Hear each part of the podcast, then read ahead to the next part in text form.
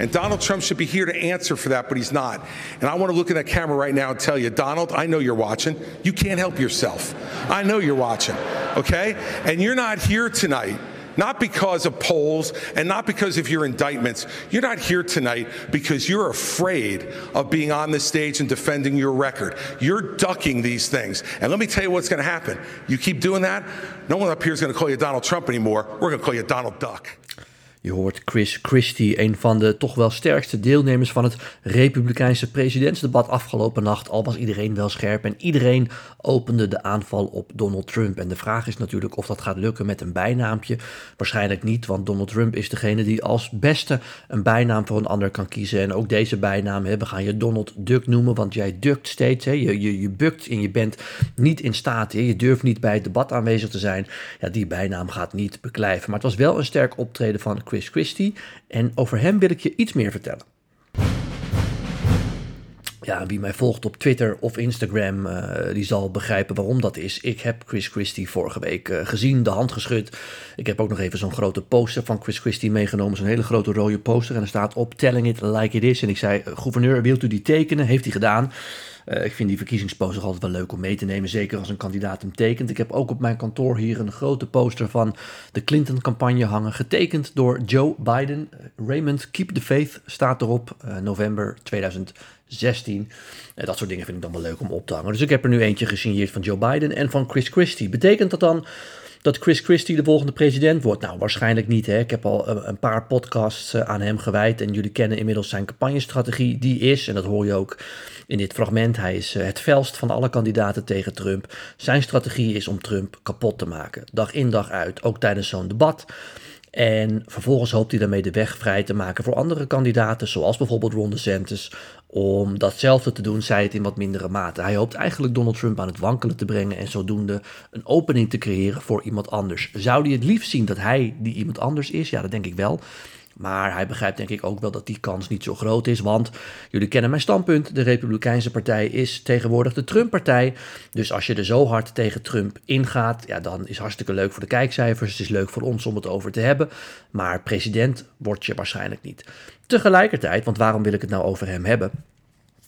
Kijk, dat debat was interessant. Kunnen we samenvatten als uh, uh, niet alleen Chris Christie, maar ook andere kandidaten openen de aanval op Trump. Ze zeggen allemaal: waarom ben je hier? Ze hebben allemaal kritiek op die muur uh, die hij zou bouwen bij de grens met Mexico, die maar voor een paar mijl gebouwd is. Ze hebben allemaal kritiek op het feit dat hij de staatsschuld enorm heeft doen oplopen, enzovoort, enzovoort, enzovoort. Dat hij Obamacare niet geëindigd heeft terwijl het wel kon. John McCain heeft toen, was toen de laatste stem die hij nodig had. En John McCain zei toen: dat doe ik niet. Um, uh, dus er was kritiek op Trump, zo kan ik het debat samenvatten. Maar ik wil het even over Chris Christie hebben, juist omdat ik hem natuurlijk van de week even uh, gesproken heb. Wat ik erg leuk vond. Ik vond het leuk om bij die town hall te zijn in Manchester, New Hampshire. Maar het, ik wil het vooral even over hem hebben, omdat hij in die town hall een aantal interessante dingen zei. Ehm, kijk jullie weten, die voorverkiezingen die gaan in januari, februari van start. En bij de Republikeinen is de eerste staat Iowa en de tweede staat is New Hampshire. Nou is Iowa een staat waar je een caucus hebt. Hè. Een caucus dat betekent dat je niet echt naar een stembus gaat om te stemmen, maar naar een gymzaal bijvoorbeeld of een andere ruimte. En daar ga je met elkaar discussiëren wie de kandidaat moet worden die jullie gaan steunen. En dan een gegeven moment vallen de kandidaten af en moet je je weer bij een ander groepje voegen. Nou, uiteindelijk blijven er dan een aantal grote groepen over die een bepaald aantal kandidaten steunen. Elkaar daarvan hebben geprobeerd te overtuigen. Uh, en vervolgens gaan daar een, gaat een heel ingewikkeld puntensysteem aan het werk. En dat is dan de uitslag in Iowa. Dus heel veel kandidaten zeggen Iowa is een beetje een gekke staat en zegt niet zoveel. De eerste echte staat waar mensen in een primary, dus geen caucus, maar een primary naar de stembus gaan, is New Hampshire. En ja, daarom zijn heel veel kandidaten daar non-stop aan het campagne voeren. Zo ook Chris Christie. En daarom was het ook voor mij heel, heel makkelijk, moet ik zeggen, om... Uh, gewoon aan te schuiven bij een town hall en samen met iets van honderd andere Amerikanen naar hem te luisteren.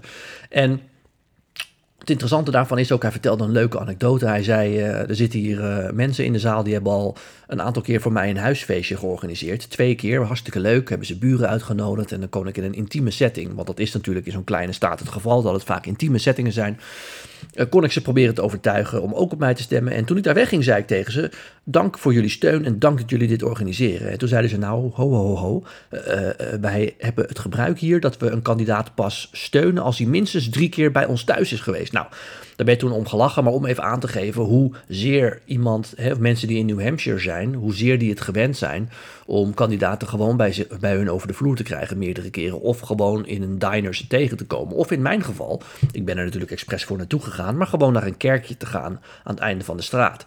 En daar is dan een uh, town hall van Chris Christie. En dan zit je gewoon, uh, in mijn geval, op de eerste rij. En kun je ook nog even met hem in gesprek gaan. Dat soort dingen kunnen in New Hampshire. Dat noemen ze retail politics. En Chris Christie maakte daar het argument, en daar zit natuurlijk ook wel wat van in, dat daardoor, doordat al die voorverkiezingen voor een groot deel, in ieder geval in het begin, stuk voor stuk plaatsvinden in hele kleine staten ja, daardoor kan er gewoon een hele interessante dynamiek ontstaan. Ik heb het vaker gezegd in deze podcast. Uh, het scenario dat Donald Trump niet de presidentskandidaat wordt, is klein, maar die is wel degelijk mogelijk. En dat moet dan komen door zo'n scenario. Dat in Iowa bijvoorbeeld hij verliest aan Ron DeSantis, die heel veel tijd in Iowa besteedt dat in New Hampshire hij verliest van Chris Christie of van iemand anders. En dan, dat dan toch een beetje het idee gaat ontstaan: hey, uh, Donald Trump zegt altijd dat hij een winnaar is, maar misschien is het wel een loser. En, uh, en, en het is toch mogelijk ook voor andere kandidaten om te winnen. En, en ja, dan gaat het hele circus naar South Carolina, naar Florida, andere grote staten. En als dan het idee is van ja, Trump kan ook wel eens verliezen, ja, dan uh, zijn die deuren geopend. Dat is de strategie van Chris Christie. Had hij een goed verhaal bij, vond ik.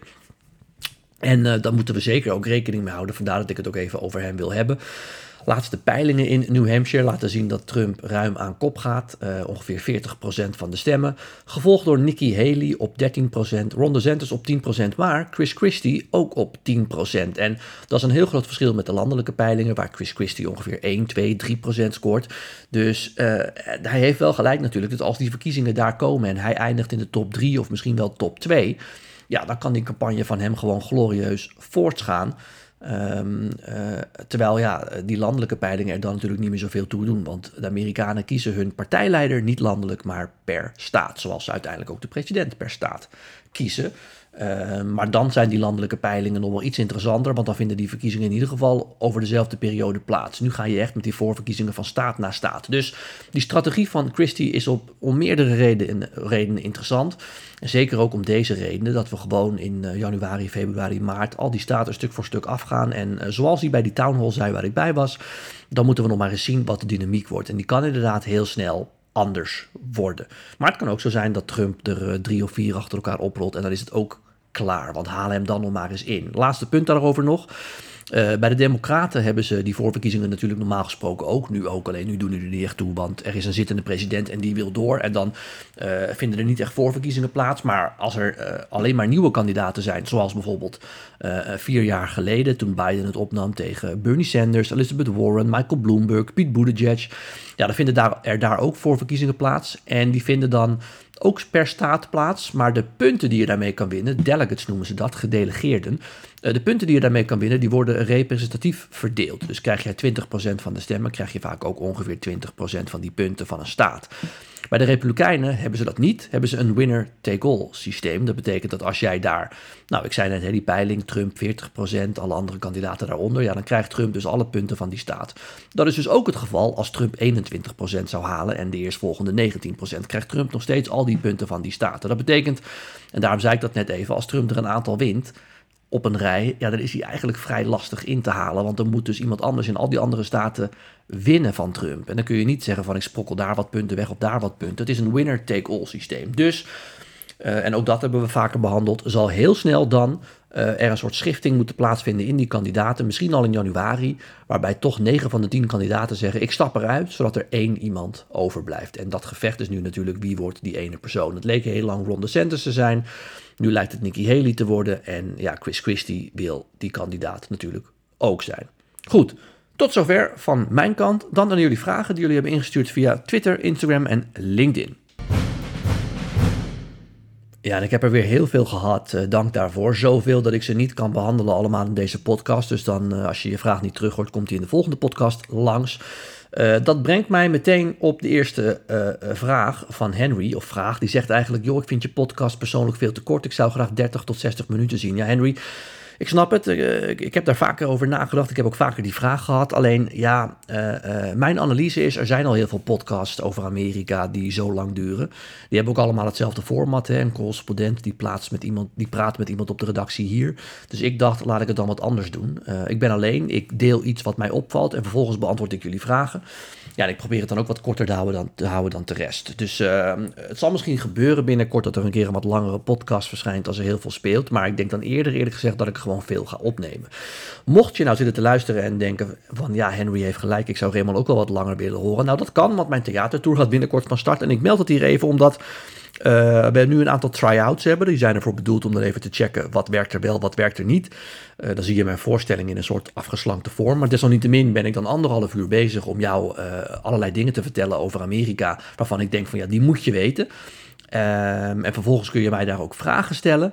En we hadden zaterdag daar, of we hebben zaterdag daar een try-out voor in Theater de Cacaofabriek in Helmond. Uh, en die was zo snel uitverkocht dat het theater vroeg van... joh, kun je daar een show aan toevoegen? Nou, dat hebben we gedaan. Dus in de middag om drie uur zijn er nog een paar kaarten. Een handvol kaarten. Dus wil je nou daarbij zijn, dan kun je die bestellen via de website van Theater de Cacaofabriek in Helmond. En dan nog een andere vraag van Moos. Is er nog iemand die van Trump kan winnen? Ik begin me toch wel zorgen te maken. Ja, Moos, dat, uh, daar lijkt het inderdaad niet op dat dat het geval is. Maar dan kom ik even terug op wat ik net eerder zei. Uh, dat zullen we pas zien als die voorverkiezingen van start gaan. En dan moeten dus ook heel veel kandidaten de eer aan zichzelf houden en opstappen, hun campagne schorten. En dan moet er één iemand overblijven die het tegen Trump opneemt. Maar zelfs dan ziet het er nu heel somber voor al die kandidaten uit. Dan, Juriaan die vraagt wie is de aardigste politicus die je in Amerika hebt ontmoet? Ja, Juriaan, dat is toch wel Joe Biden. Ik moet zeggen, Chris Christie was ook heel hartelijk en heel relaxed en uh, ja, heel chill. Maar Joe Biden, die heb ik daar echt in een soort gymzaal in Pennsylvania gezien, klein gymzaaltje, uh, in 2016. En ja, die was met iedereen aan het knuffelen. En er liepen twee oude dametjes die hij nog van vroeger kende, want hij is opgegroeid in Pennsylvania. En uh, die dame liep op Joe Biden af en hij keek naar haar. Hij uh, opende zijn armen en zei: Oh, Barbara, good to see you. En hij gaf haar een dikke knuffel. Dat is echt oprecht een hele lieve man. Maar Chris Christie was dat ook. Uh, de leukste rallies zijn overigens van Donald Trump, want daar is gewoon heel veel spektakel bij. Ik heb hem een paar keer zien spreken, toevallig ook in New Hampshire. Ja, dan spreek je Trump niet persoonlijk natuurlijk, maar dan hoor je hem spreken in een grote arena. Maar dat was wel erg leuk, moet ik zeggen. Dan uh, de vraag van een aantal mensen wanneer ik een keer aan tafel mag bij VI. Want uh, Mensen uh, zeggen van hé, je zit vaak aan de bar. Ja, uh, de, bar, de tafel was leuk hè? bij de Oranje Zomer. was een heel leuk vakantiebaantje. Ik heb ook tegen Helene gezegd: uh, het leukste vakantie, vakantiebaantje wat ik ooit gehad heb. Het vorige vakantiebaantje was jaren geleden in een soort verzorgingstehuis. Nou leek de Oranje Zomer af en toe ook wel een beetje op een dement verzorgingstehuis. Maar was natuurlijk stukken leuker. En het was een soort leuk uitstapje. Maar bij VI blijf ik gewoon aan de bar zitten. Want dat bevalt mij wel goed. Ik ben een duider. Ik vind het leuk om dingen te duiden. Enerzijds, anderzijds een beetje humor erbij. En dan is het aan jou, in dit geval de luisteraar. Of bij VI de kijker, om je oordeel te vormen. En dat kan heerlijk aan die bar daar. Um, en ik ben ook wel mans genoeg als ik denk, hé, hey, ik wil me ergens mee bemoeien aan tafel, dan breek ik gewoon in. Dat doe ik regelmatig, dus uh, ik heb het daar prima naar mijn zin.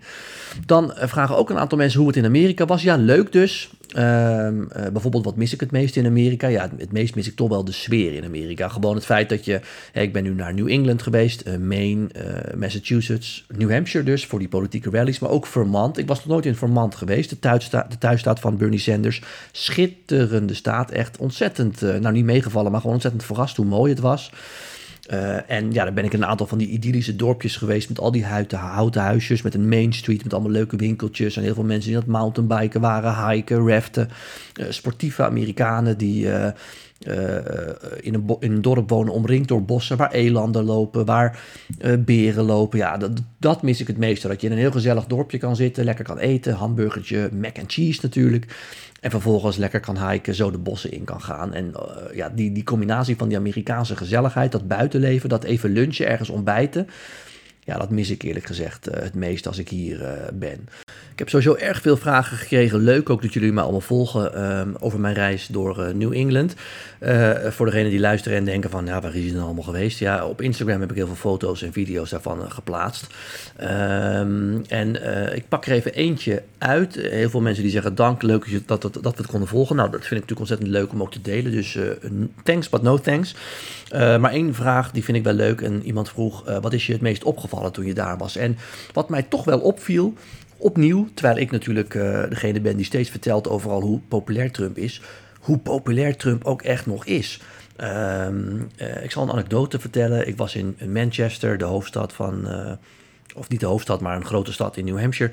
En daar, op een gegeven moment was zaterdagavond en we hadden wat gegeten en we gingen nog eventjes een biertje doen. En toen dachten we, misschien is het leuk om naar de enige gay bar in Manchester te gaan. Nou, er was er eentje, was ook een hele saaie gay bar, er gebeurde verder weinig, maar gewoon wel leuke Amerikanen. En ik vind het dan leuk om ook met hun in gesprek te gaan. En binnen vijf minuten vroeg iemand natuurlijk wat ik deed. En nou, dat vertelde ik dan. En toen ging diegene helemaal los op de Amerikaanse politiek. Want hij was een groot fan van Donald Trump. Dus zelfs in een hele progressieve omgeving, zo'n gay kroeg, is gewoon een, een heel leuk stel. Uh, die ene jongen was pro-Trump. Zijn partner iets minder, maar hij heeft ook wel voor Trump gestemd.